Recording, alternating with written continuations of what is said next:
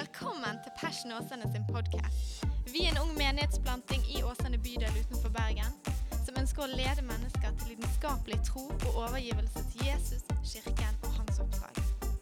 Takk for at du lytter til vår podkast, og vi håper du blir oppmuntret og utfordret i din etterfølgelse av Jesus.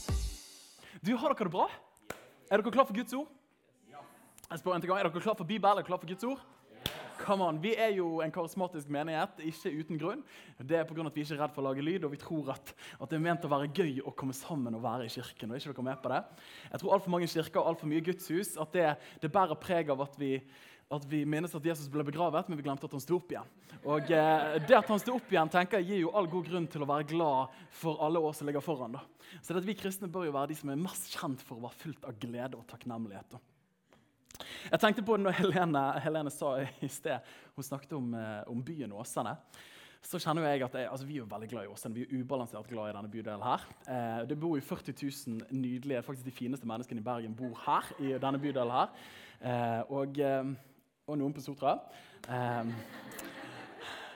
men jeg husker Tankene gikk til en gang jeg, eh, jeg har jo min historie for Kristkirken i Bergen. Og Så skulle jeg eh, lede bønn der. da. Og Så var Mats eh, med meg. Han er ikke her i dag. Men så skulle vi be for, for Bergen. da. Temaet var Bergen. Og Så kommer vi fram der, og jeg ber. vet du, Jeg er litt drillet på det der. Og så kommer han, vet du, og han er jo vant til å plante kirke her i Åsane med oss. Så han bare 'Herre, jeg ber for Åsane. Jeg ber for Åsane.' Jeg ber for Åsane. Og han sa det to eller tre ganger i løpet av bønnen. Så han ba ikke på Bergen, han ba for Åsane. Og så kom jeg ned til han etterpå og bare 'Fikk du med deg hva du gjorde for noe?' Han bare 'Hva er det du snakker om?' liksom, Vi ba jo for Bergen. Bare, Nei, du ba for Åsane.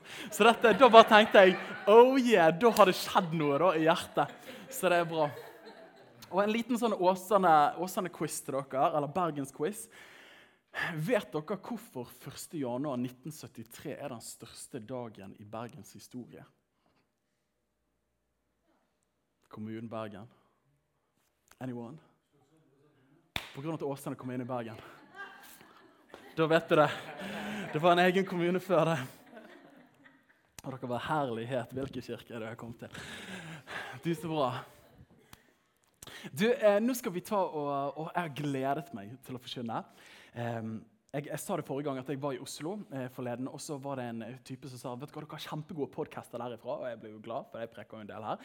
Eh, og så sa han men det er én ting, du preker altfor lenge. liksom. Så dette jeg preker jo av til 40 minutter, og sånt, og da, det går jo ikke. Så hvis vi preke 35 minutter, det er taket. da. Eh, og så, Jeg sa jo det forrige gang, husker dere det? Og Er det noen som så hvor lenge podkasten var? 38 minutter. Tre minutter for mye. 38 minutter. Så at i dag så prøver vi. OK? OK.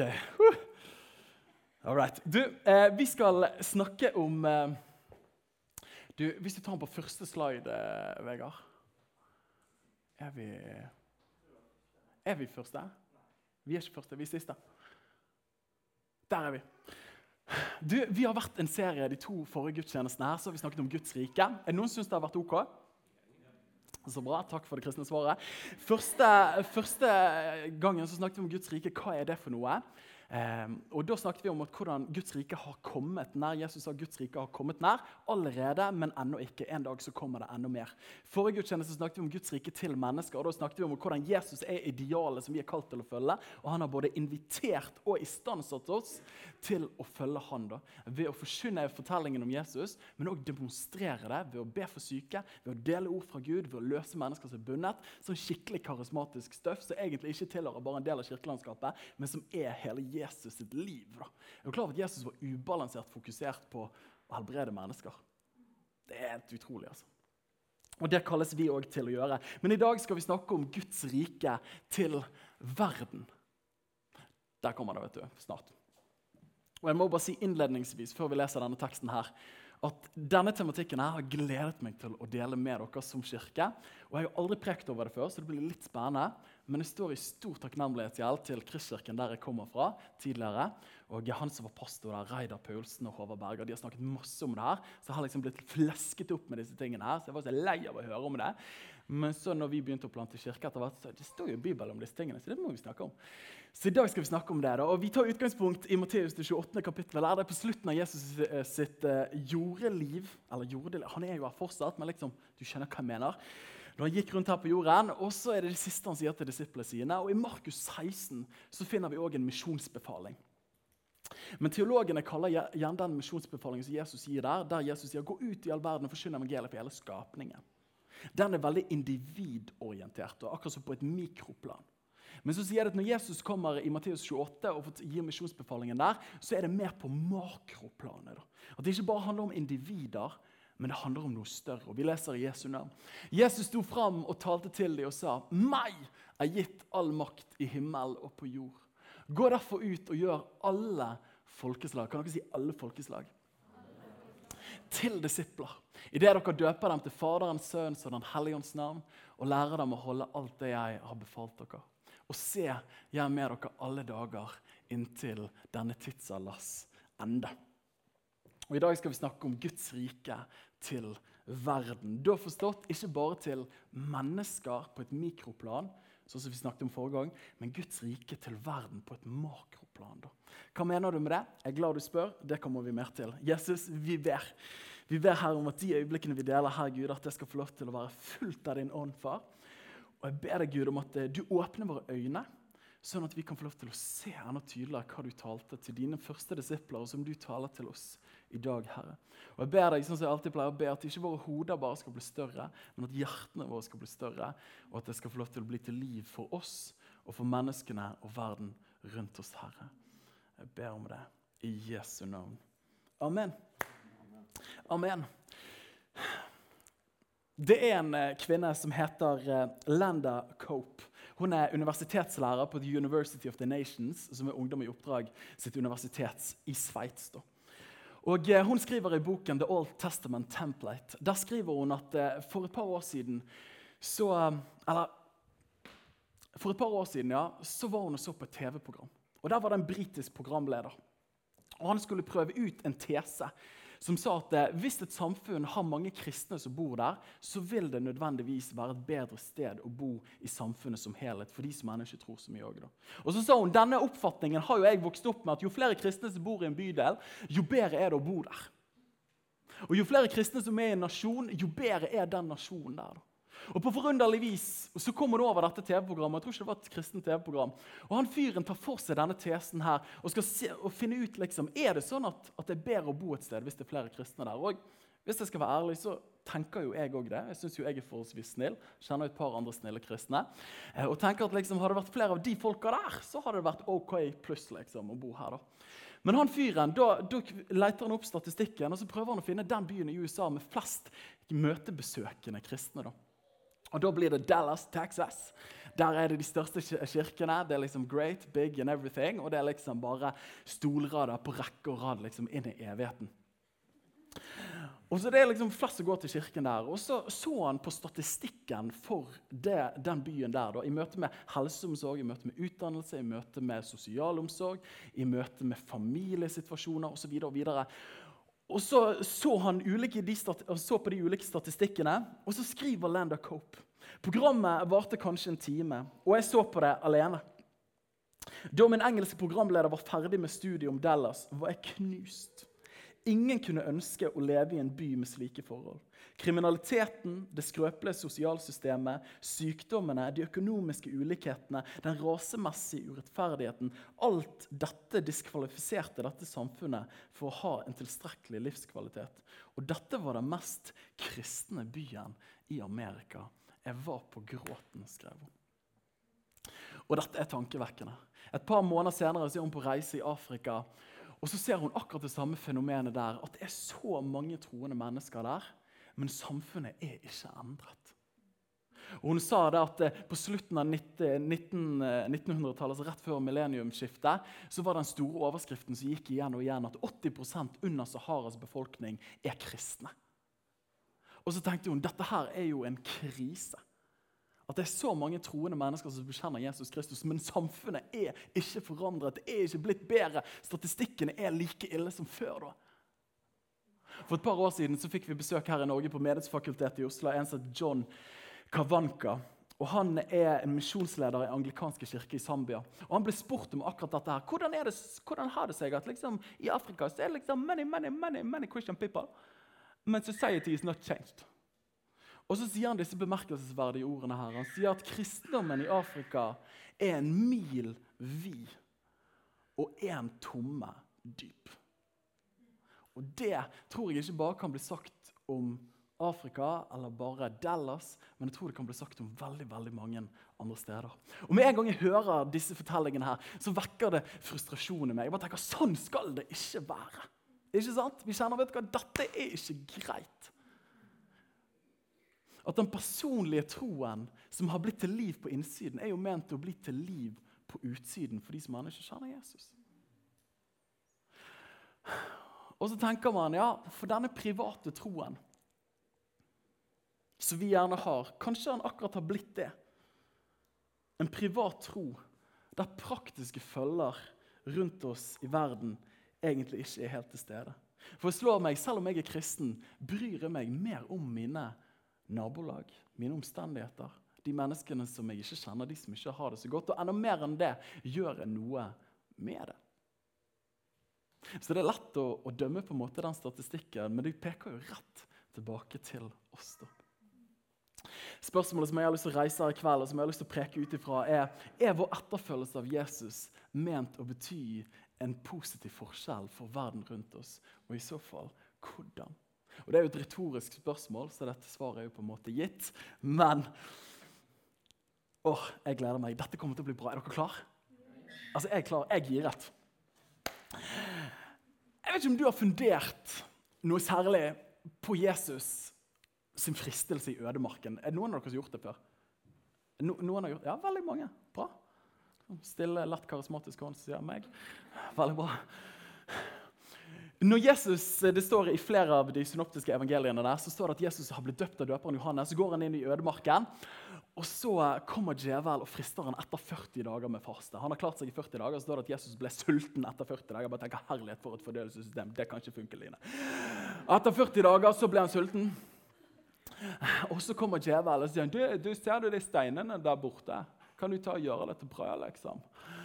Jeg vet ikke om han snakket sånn, men Og så sier han, eh, og så sier han eh, og, så sier og det han egentlig sier der, er jo på mange måter du, kan, ikke du, kan ikke du ta og mette behovene dine? Mett dine egne behov.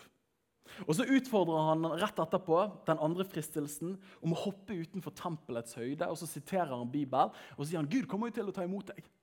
Og det han egentlig sier der, Stoler du virkelig på Gud? Og De to kan jeg forstå. Etter 40 dager så er du forholdsvis sulten. liksom. De steinene ja, det ser faktisk ut som kneippbrød. Dårlig kneippbrød, men det hadde vært godt akkurat nå.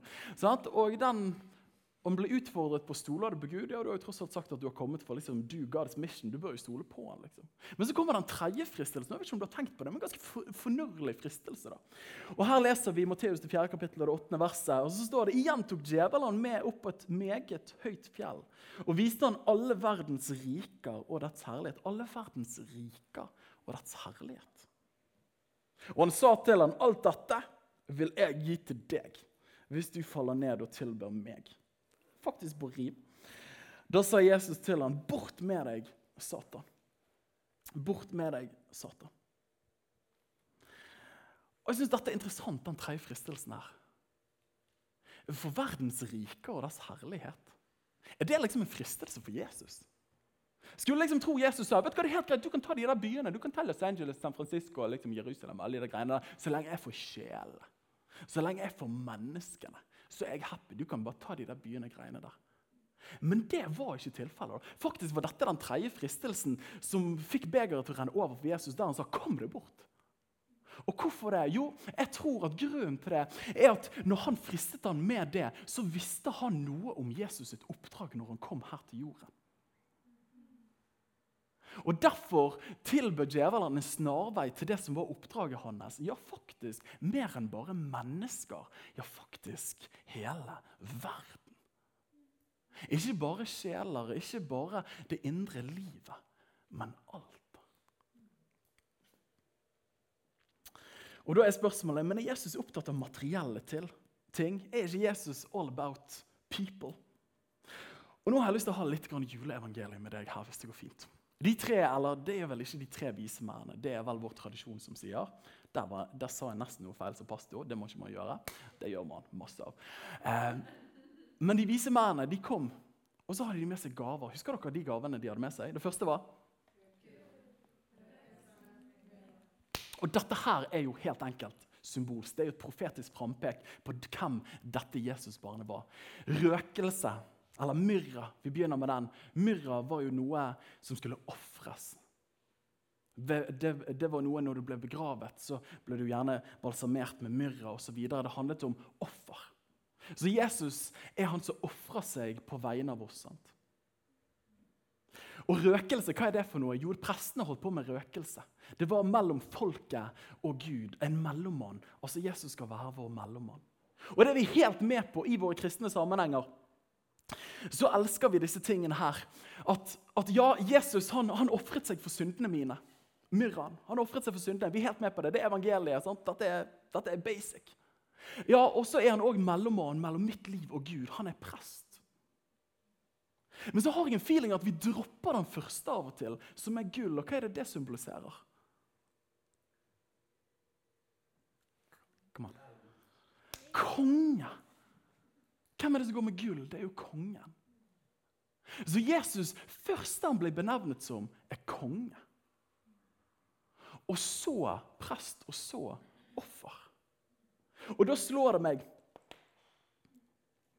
at Jesus jeg tror ofte han blir redusert til vårt personlige og private liv. At han, han, han har relasjon mellom Gud og meg. Han sonet for mine synder. Men det blir liksom litt den private sfæren. Men hvis han er konge, så er det noe helt annet. Er ikke, En konge er ikke bare opptatt av de interne anliggende i et bedehus og gudshus.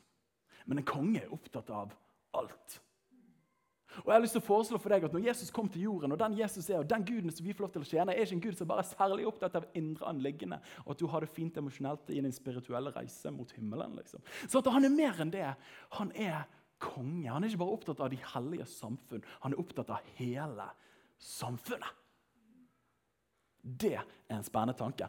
Hør på det her. Jesus er konge. Visemennene Nå kommer det, Jeg er klar for litt rapid fire her. Nå bare kommer det litt, ok? Spenn dere fast. Det er mye vi skal gjennom på 35 minutter. Visemennene, når de kommer til Jerusalem og møter Herodes, så sier de Og de sa, 'Hvor er den jødenes konge som er født?' Merket dere det? Konge. De så etter en konge. For vi har sett hans stjerne i Østen, og vi er kommet for å tilbe han. Jesus, Når han står i rettssaken med Pontius Pilatus, så sier Pilatus til han, 'Er du ikke konge?' spørsmålstegn. Jesus svarte, 'Du sier med rette at jeg er konge.' For til det jeg er født, og til det jeg er kommet inn i verden. Jesus sier om seg sjøl, 'Jeg er konge'. De første kristne som fulgte Jesus, omtalte han som konge. Det står i Apostlenes gjerninger, det 17. kapittel. Da begynner folk å klage et sted der det har blitt så mange som har blitt frelst. Og så sier de du, de som gjør ting som keiseren har sagt er ikke lov. De sier at en annen er konge, nemlig Jesus. Tar dere det? Konge, konge. Og I Johannes' åpenbaring står det at Jesus sitter på en trone. Og Der står det at denne verdens riker tilhører nå vår Herre og Hans Kristus, og han skal herske som konge i all evighet. Ja, på hans skjortel står det 'Kongers konge og herrers herre'. At Jesus, den guden som vi følger, er konge. Så er ikke bare opptatt av de hellige samfunnene, men han er opptatt av hele samfunnet. Derfor var det en fristelse når alle verdens byer og herligheter ble tilbudt ham. For han er ikke bare opptatt av sjeler og mennesker, men han er opptatt av så mye mer. Og hva er det konger er opptatt av? De er opptatt av alt. Hør på det her.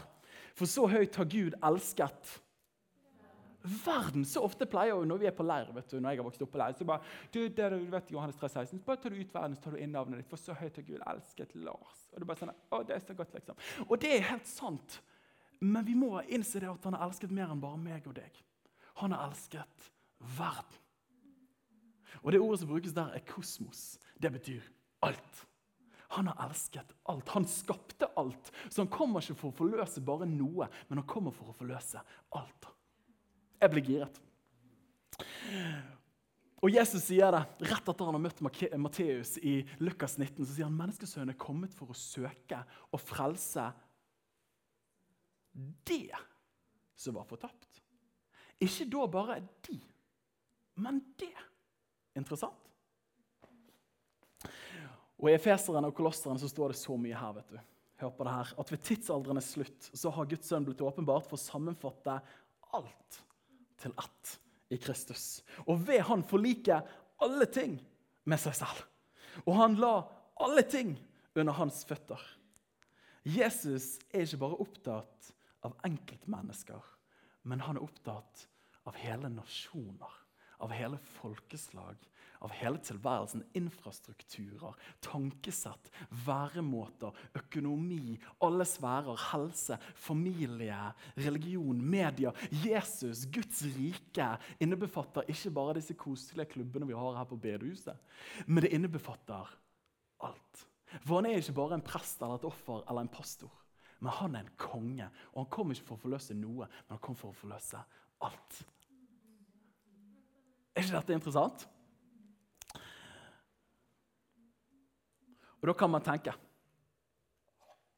i møte med oss kristne og verden Hvis Jesus er konge, og ikke bare opptatt av kirken, men hele kosmos, hva betyr det for oss som er kristne? Og Dette er et spennende spørsmål, for jeg tror at det betyr så utrolig mye. da.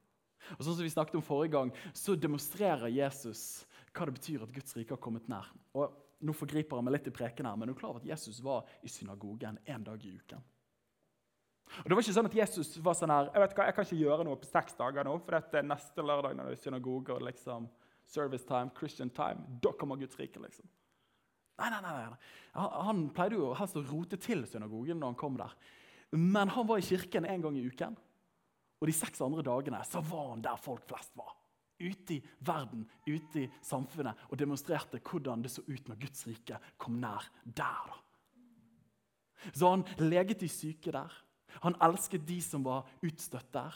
Han ga nåde til de som trengte det der ute. Ikke bare på ettermøtet eller forbønnskøen inne på synagogen eller kirkene, men han gjorde det der folk flest var. Til og med i de institusjonene og de områdene som ikke var kristne. Jeg syns det er kult. For vi har ikke Gud som bare har kommet for det lille, men som har kommet for alt. Og jeg tror, Nå må vi ha et lite alvorsord her, men jeg tror at vi kristne ofte har hatt to tilnærminger ofte til verden. Kristne og verden. Og Den første tilnærmingen tror jeg er assi, assimilasjon. Det var et vanskelig ord. Men assimilasjon det betyr å gjøre lik. Det betyr å bli lik.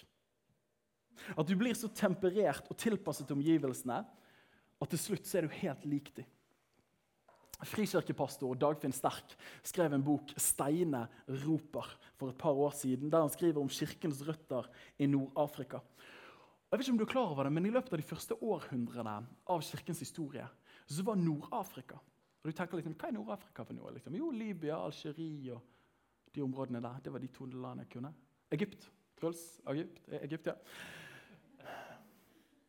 Men du klarer at de landene der oppe var noe av kirkens sentrum, men den største kristenarven og noen av de største apologetene og kristenlederne kom fra det området der, f.eks.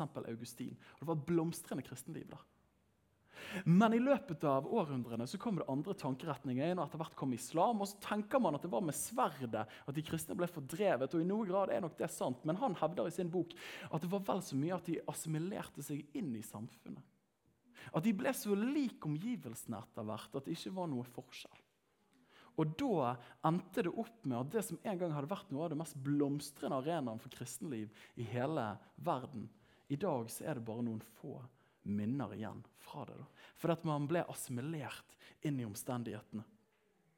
Og En venn av meg som leder Nordmisjonen i Sogn og Fjordane, Vegard Tennebø, han sier det så bra. Han sier at en identitet gjemt over tid blir fort en identitet glemt over tid. Så vi kristne og verden At vi skal ikke assimileres til verden og bli helt lik dem. Og jeg vil påstå at kanskje Den største utfordringen vi kristne i dagens Norge og Europa har, er at vi står i fare for å bli så utrolig lik alle de andre. Og vet ikke om dere husker Stefan Kristiansen På 90-tallet ga han ut en CD som het 'Kampsanger for en ny generasjon'. Det var hissige greier. vet du. Det var Sterke ord og store utropstegn der. Men en av de tingene han sang, han sa 'Hvordan skal vi forandre verden hvis vi er lik dem?'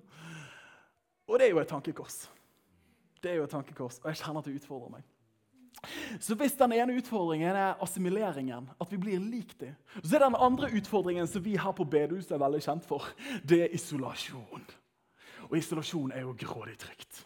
For det som er fint med isolasjon, det betyr å være avskjært fra berøring. For det er der ute, utenfor bedehusvinduene, ja, der skjer det skumle saker. Der har de sånn fjernsynsprogram som er helt forferdelig. Jesus hadde ikke sett på det. Og det er kjempeskummelt, og det er liksom fryktelige saker. Så det, Da bare lukker vi igjen bedehusvinduene, vi bare tar ned gardiner, så koker vi så mye kaffe at det lukter forferdelig der inne. Og så har vi falske blomster, for det, levende blomster klarer ikke å puste der, for det er ikke oksygen igjen der inne. Og så er vi inne på bedehuset, og så synger vi 'Kumbaya', og 'Jesus kom, kjem snart att'. Og så er vi der, og det er bare helt fantastisk. Men det eneste problemet er at det var ikke det Jesus kalte oss til. Og så blir det grådig traust etter hvert. Det er jo trygt, for de påvirker ikke oss. Men vi påvirker jo ikke de heller. Verden går videre. Vi står i ro. Derfor får du sånn minst du sang en opplevelse av kirka. sant? Der vi er liksom, Kommer du inn i et rom, du lever i 2019, så kommer du inn i et gudstjenesterom, og så du herlighet, er dette en tidsmaskin? Er vi på 1800-tallet? liksom? Er du med? Dere skjønner hva jeg mener? Vi alle har vært der. sant? Det er trist. Og jeg tror at denne her frykten for samfunnspresset. og det vil si at Fra 1750-tallet så fikk vi opplysningstiden, men de siste 100 årene så har vi hatt den sekulære tidsåren som på mange måter har sagt at tro skal ut av det offentlige rom. Tro skal være noe personlig det skal være noe privat. så ikke kommer pakk det på meg. Så da skubber vi det inn i bedehuset og gudshusene våre. Og så blir vi litt sånn redd for å ta det med ut der. da. Men hvorfor skal de få lov til å sette premissene for hva som er normalt? Og Dette har vært en av de store syndene til frikirkelighet og lavkirkelighet. Men jeg har lyst til å påpeke også, jeg tror at dette har ikke vært den store arven til bedehusbevegelsen og kristenheten. egentlig. Se for deg navn som William Wilberforce i England. Kjempet mot å avfeie slaveriet. Her er en fyr som kunne valgt assimileringen. vet du hva, Jeg gidder ikke å kjempe mot det, der, for alle tenker jo slaveri er helt ok. liksom. Og Det hadde jo vært fint å ha noen som kokte kaffe til meg. liksom sånn som alle mine venner har. Men nei, nei, nei, han ble ikke assimilert. Men han valgte heller ikke isolasjon i den forstand at vet du hva, de kommer aldri til å gripe det. der, så Jeg kommer til å ha mine meninger for meg sjøl, og så kommer jeg ikke til å prøve å påvirke verden der ute. Sant? Det er jo den av og til vi tar.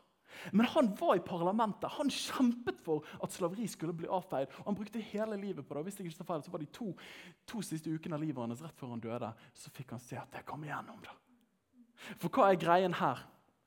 Jo, dette er den tredje veien som du og meg kalles til. Og det er ikke assimilasjon eller isolasjon, men det er transformasjon. da. De rimte, så det var litt kult. Men transformasjon betyr omdanning, omforming. At vi er i verden, men vi er ikke av verden. Det er spennende, altså. Og De bildene Jesus bruker, er jo at vi skal være lys. Og hvor er det du trenger lys? Jo, det er i mørket. Og det at vi skal være salt. Jo, hvor er det du trenger salt? Jo, du trenger det at når noe råtner for å forhindre forråtnelse, så salter du det. Men òg er salt med å bringe smak til det man spiser. Uten Gud er det en forholdsvis smakløs tilværelse. Vi er kalt til å være sennepsfrø. Det ser veldig lite ut. Ja, Hva er vel det at det er én kristen på den arbeidsplassen? Og du bare sier nei, men du aner ikke hva som skjer når en kristen person ber. Det er som et sennepsfrø. Det er det minste av alle frøene. Men når jeg folder de hendene der, vet du, og du ser på de TV-programmene der, du aner ikke hva som holder på å skje bak ryggen din. Og så står Jesus forteller jo de historiene der, at liksom det minste blir til det største. Og himmels fugler kommer og bygger rede i greinene på trærne der. da. Og så er vi også kalt til å være surdeig, som er en sånn liten greie der, men det gjennomsyrer hele deigen. Vi er kalt til å være transformerende størrelser i samfunnet vårt. Da. Som er midt i det, men som ikke er av det, men som forvandler det til det bedre og gir dem en smak av Guds rike. Jeg blir giret! Og andre folk, Martin Luther King jr., sørstat-baptist, prest. Han kunne sagt at vet du hva, I like to preach my sermons to my congregation. They agree with me in everything that I say, so I'm just going to stay in this house. Han bare sier, nei, jeg gidder ikke de greiene der. Han var sånn, Vi skal ut og vinne denne kampen. her. Og så tok han Guds rike verdier. Så sa at vet du hva, innenfor troen så er det ingen farger som er, har en fordel eller ulempe, men Gud har skapt alle folkeslag for å tilbe foran troen. Og så tok han Guds rike verdien, og så sa han at verden der ute ser kanskje annerledes ut, men jeg skal ikke gjemme meg på et bedehus. Jeg skal gå ut der og så skal jeg si at dette her er det vi går for. Og så ble de forfulgt, og han bøtte med livet sitt. Men vi så et gjennombrudd. Og tenker på Hans Nilsen Hauge òg. Han var heller ikke fornøyd med og bare synge 'Jesus din søte forening og smake ut på jordet'. og bare synge den i alle årene etterpå. Men han tok kristentroen sin, og det ble ikke bare til liv på innsiden, men det ble til liv og næringsliv og et bedre verden rundt han da. For Vi tjener ikke bare en gud som er en pastor i himmelen som elsker at vi synger Hillsong-lovsanger. Men når du går på arbeidsplassen din, så er han litt sånn uengasjert. Nei, nei, nei, Vi tjener en konge som bryr seg om alt. Og det er så utrolig oppmuntrende. Oi, oi, oi. Og da kan man stille spørsmålet her. Hvis vi er ment å transformere samfunnet, hva er vel da egentlig kirkens rolle midt i dette her? Og nå kommer det litt sånn ris til egen ræv for min del. For jeg er jo en kirkemann eller menighetsmann. Jeg elsker jo disse tingene her. Jeg tror jeg er kalt til å liksom være pastor og preke og, og gjøre disse tingene. Jeg jo, når jeg er på YouTube og på Instagram, så følger jeg andre pastorer og ser liksom hvordan andre kirker gjør det. Sånn, så jeg lever i en boble. Men ofte så setter vi likhetstegn mellom rike, Guds rike, og kirke. Og det vet jeg er veldig lett å gjøre. Ja, men det er når vi har gudstjenester. Det er Guds rike. Ja, men Ja, hva men? Det er mer. Det er mer. Og I våre sammenhenger så kan du av og til få følelsen av at alt handler om at Kirken skal vokse. Kjenner dere igjen i det? Vi elsker kirke. Og jeg tror det er bra, for at noen miljøer og noen sammenhenger så nedspiller man kirke. Kirken er viktig, forstå meg rett. Men jeg tror av og til så kan du få feeling at alt skal vokse. Det skal bli flere folk, det skal være større lokaler, det skal være flere gudstjenester, og vi skal plante nye forsamlinger, sånn at annethvert nabolag har en egen kirke på 10 000. Og da blir det liksom buildings, bodies and bucks er det det går i. da. Det handler om at kirken skal bli stor. Men da er det fascinerende, og dette er jo en sorg for meg som er menighetsplanter, at når jeg leser evangeliene, så underviste Jesus aldri om menighetsplanting. Det syns jeg er litt kjipt. det skal jeg ta opp med. Men han underviste aldri om menighetsplanting. Og vi vet jo det, at skal du se flere folk begynne å gå til gudstjeneste, så sier all forskning at har du lyst til å få flere folk til å gå på gudstjeneste, ikke bare prøv å gjøre kulere gudstjenester i de etablerte menighetene, men plant nye kirker. liksom. Det er det beste verktøyet for å se kirkevekst. Men da er spørsmålet var det kirkevekst først og fremst Jesus kom for? Eller var det Guds rike vekst han kom for, da?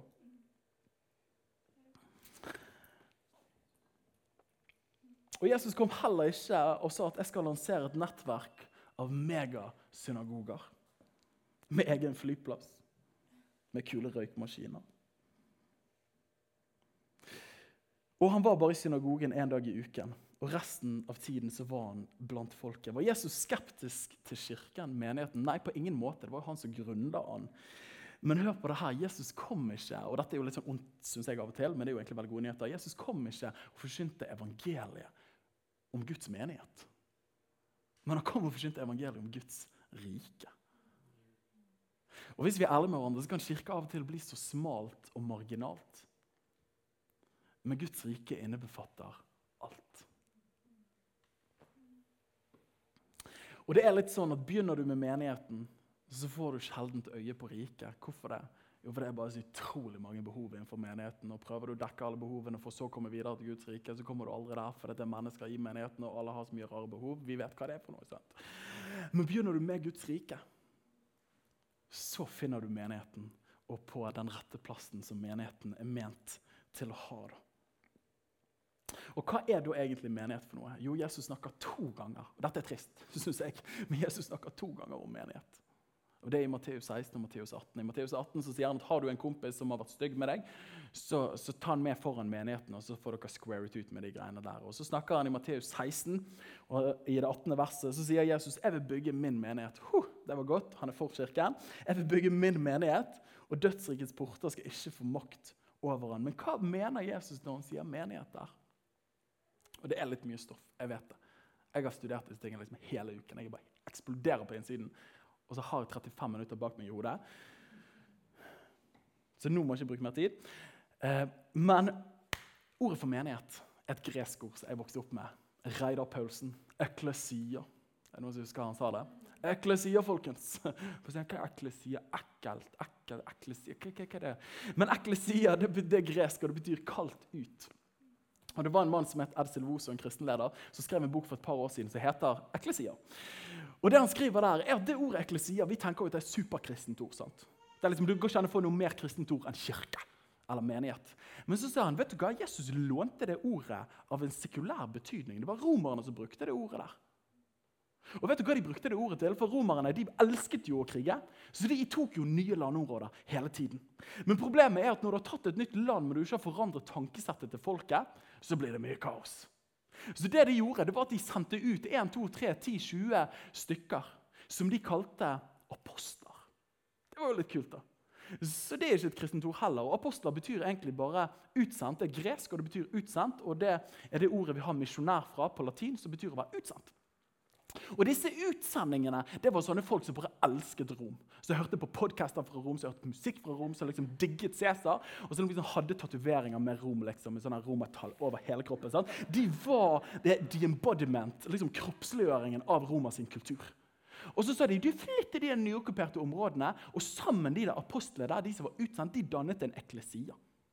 Og Målet deres var som Edsel Woso sier, at they walked and talked and acted like Rome etter hvert, etter at den eklesiaen hadde vært der en tid. Er ikke det kult? Så når Jesus sier 'jeg bygger min eklesia', så sier han at sånn som det er oppe i himmelen, Guds rike har kommet nær. Så sender jeg ut mine disipler til å være sånne Guds rike surdeiger i en kultur som er helt annerledes. Sånn at etter hvert begynner folk å snakke sånn som de snakker i himmelen. At de begynner å oppføre seg sånn som de snakker i himmelen. At de begynner å gå sånn som de gjør i himmelen. Er ikke det interessant? Det syns min datter var interessant. Og Det som er litt kult òg, er at Jesus gir et løfte. Jeg bygger min menighet, og dødsrikets porter skal ikke kunne stå seg imot den. Og På engelsk er det enda bedre.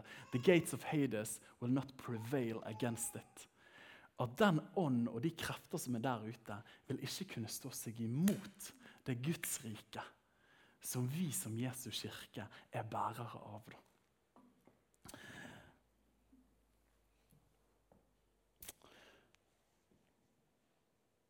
Nå kommer det en liten greie på slutten her.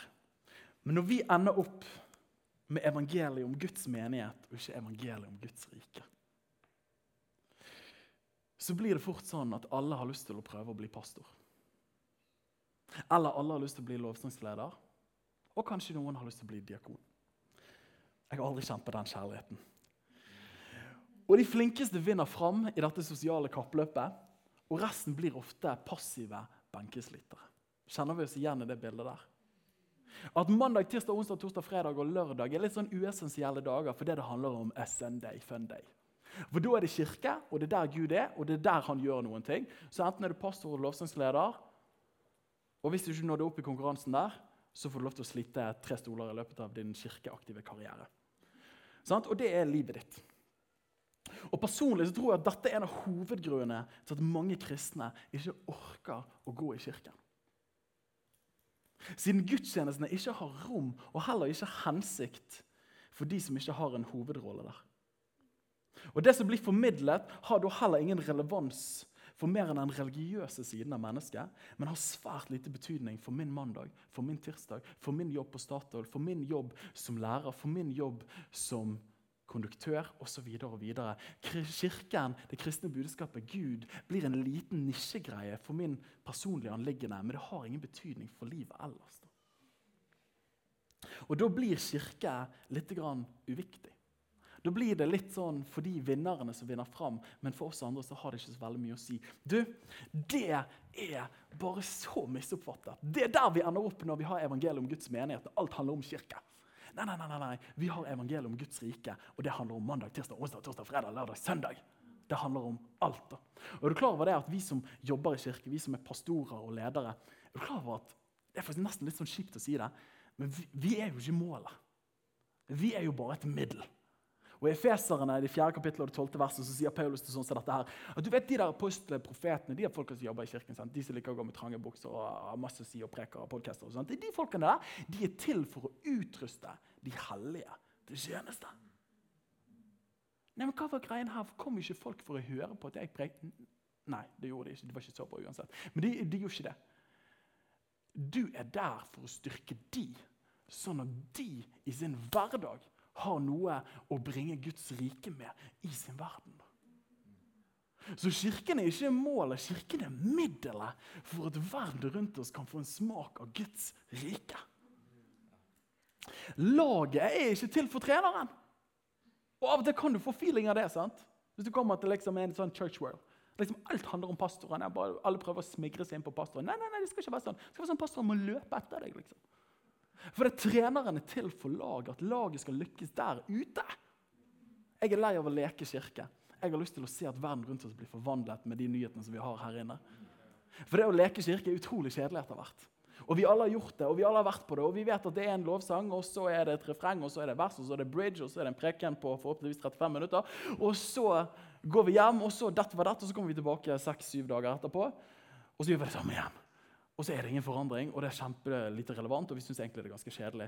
Jeg vet hva, Det blir veldig kjedelig hvis ikke vi har en misjon utenom menigheten. Menigheten er et middel for å styrke oss, sånn at vi har noe å komme med Guds rike der ute. Og det er så kult!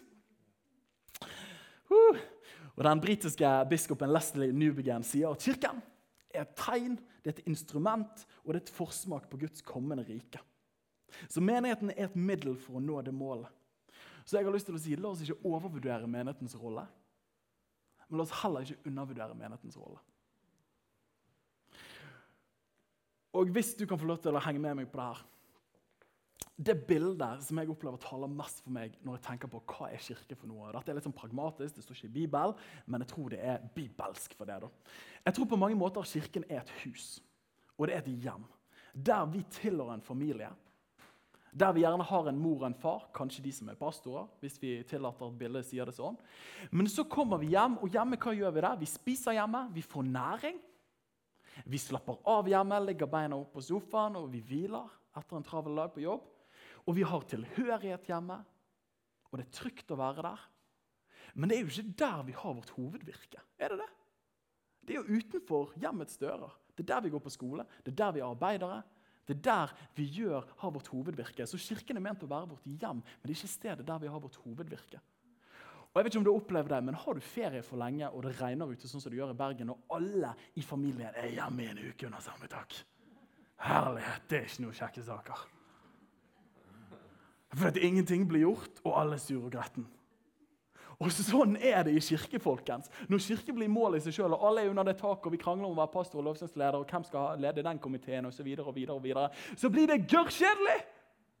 Og Da gidder ikke vi å gå i kirke, for det har jo ikke noe mening. Kirken er ikke målet i seg selv, det er et middel for å nå målet, nemlig at mennesker skal få en smak av Guds rike utenfor. Da. Så spis hjemme, sov hjemme, hent krefter hjemme, ha de nære relasjoner hjemme. Men for all del, gå ut og spre Guds rike der! Og det er der mor og far i huset er ment å utruste barna sånn at de kan takle livet der ute. Så dette er ikke målet. Dette er elbil-ladestasjonen for uken som kommer der. Dere skjønner hvor jeg går. Jeg tror at 95% eller mer er ment å ha sitt hovedvirke utenfor kirkebyggets fire vegger. Vårt hjem er i kirken. Vi tar en smak av Guds rike ut fra det kristne fellesskapet. Og hør på det her. Dette er bare lyst til å være DNA-et til Passion. At vi alle er i fulltidstjeneste i Guds rike. Vi alle er ikke i fulltidstjeneste i menighet. Liksom menighet AS. Og takk og lov for det. Jeg tror vi skulle hatt noen flere. Det var kult med noen flere i Passion. Jeg kunne gjerne tenkt meg å vært litt ansatt. Men det er en annen sak. Ta det på menighetsmøte. Men vi alle er i fulltidstjeneste i Guds rike. da. Det er, ingen, det er ingen unnskyldning. Ingen har dispensasjon for å være det. Er du en etterfølger av Jesus, så er du i fulltime service. Og det er ikke bedre å høre på det her. Dette syns jeg er deilig. Min pastor Håvard sier det sånn at det å være en Guds rike-leder er på ingen måte synonymt med å være en kirkeleder. Det er frigjørende. Så du kan være en lærer på den skolen du jobber, og du er en leder for Guds rike. Du kan være en bossbilsjåfør, og du er en leder for Guds rike. Du kan drive med oppdragelse, med helse, med omsorg, med medier, og du er en leder for Guds rike. Og jeg tror faktisk det finnes kirkeledere som ikke er så veldig mye ledere for Guds rike. Den amerikanske pastoren Rick Joyner han sa noe veldig bra. Han uttalte en gang at han trodde at Gud hadde plassert 97% av alle kristne med hyrdegave utenfor kirkens fire vegger. Jo, det mente han ga fullstendig mening. For dette er jo der sauene uten hyrde er.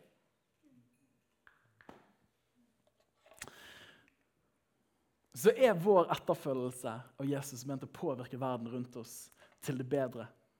Og i så fall hvordan?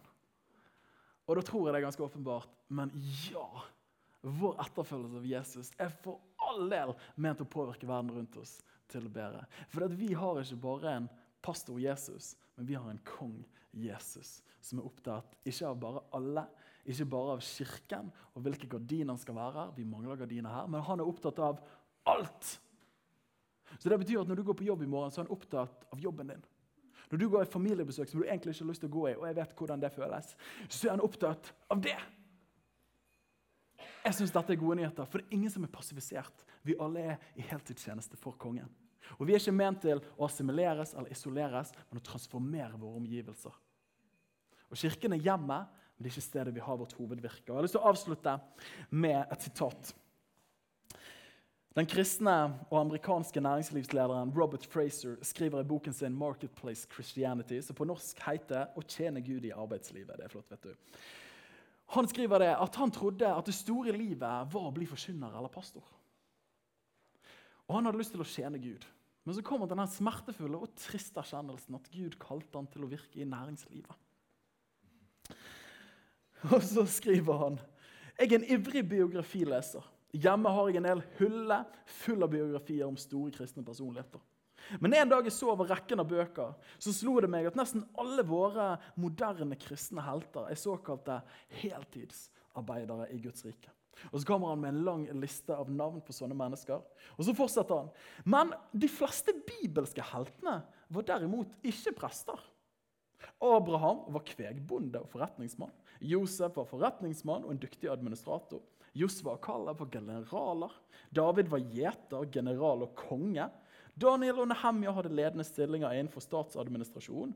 Men disse bibelske heltene har blitt tolket for oss gjennom øynene til vår tids prester og blitt ribbet for sin næringslivsidentitet. Gud er i ferd med å reise opp vår tids Abrahamer, Danieler, Nehemjer, Josefer. Normale hverdagsmennesker som fungerer i samfunnslivet og som vil prege historien med sin kjærlighet til Jesus. Vi alle er i heltidstjeneste, og Jesus kom ikke bare for noen, men han kom for alt. Og han vil se nasjoner bli forvandlet av Guds rikes kraft. Er ikke det spennende? Skal vi ta be sammen til slutt? Jesus, vi takker deg for den du er. Jeg har lyst til å be Jesus for oss som er her i dag, og for oss som kirke. At vi skal få lov til å se deg, Jesus, ikke bare som en koselig Gud på søndager, men at du er kongen som kom for alt, Jesus. Det ber jeg om. Og takk for at du er interessert i alt som finnes på denne kloden. Og jeg ber om at du gir oss ved Din Hellige Ånd mot og styrke til å ikke bli tilpasset og ikke isolere oss, men at vi skal få lov til å være med og bringe ditt rike til verden, sånn at en smak av himmel begynner å skje rundt oss. Far. Vi ber om det, Jesus. Og takk for at jeg bare kjenner det. Takk for at det ikke er annenrangs herre. Og ikke jobbe i menighet eller ha en ledende funksjon i en kirke. Takk for at det det handler om, er å få lov til å tjene i ditt rike, Herre. I ditt mektige navn. Amen. Amen. Takk for at du lyttet til Passion Åsane sin podkast. Hvis budskapet inspirerte deg, del det gjerne videre, slik at enda flere kan bli styrket av Guds ord. Gud har en plan for ditt liv. Følg Jesus lidenskapelig og bety en forskjell for mennesker i din verden.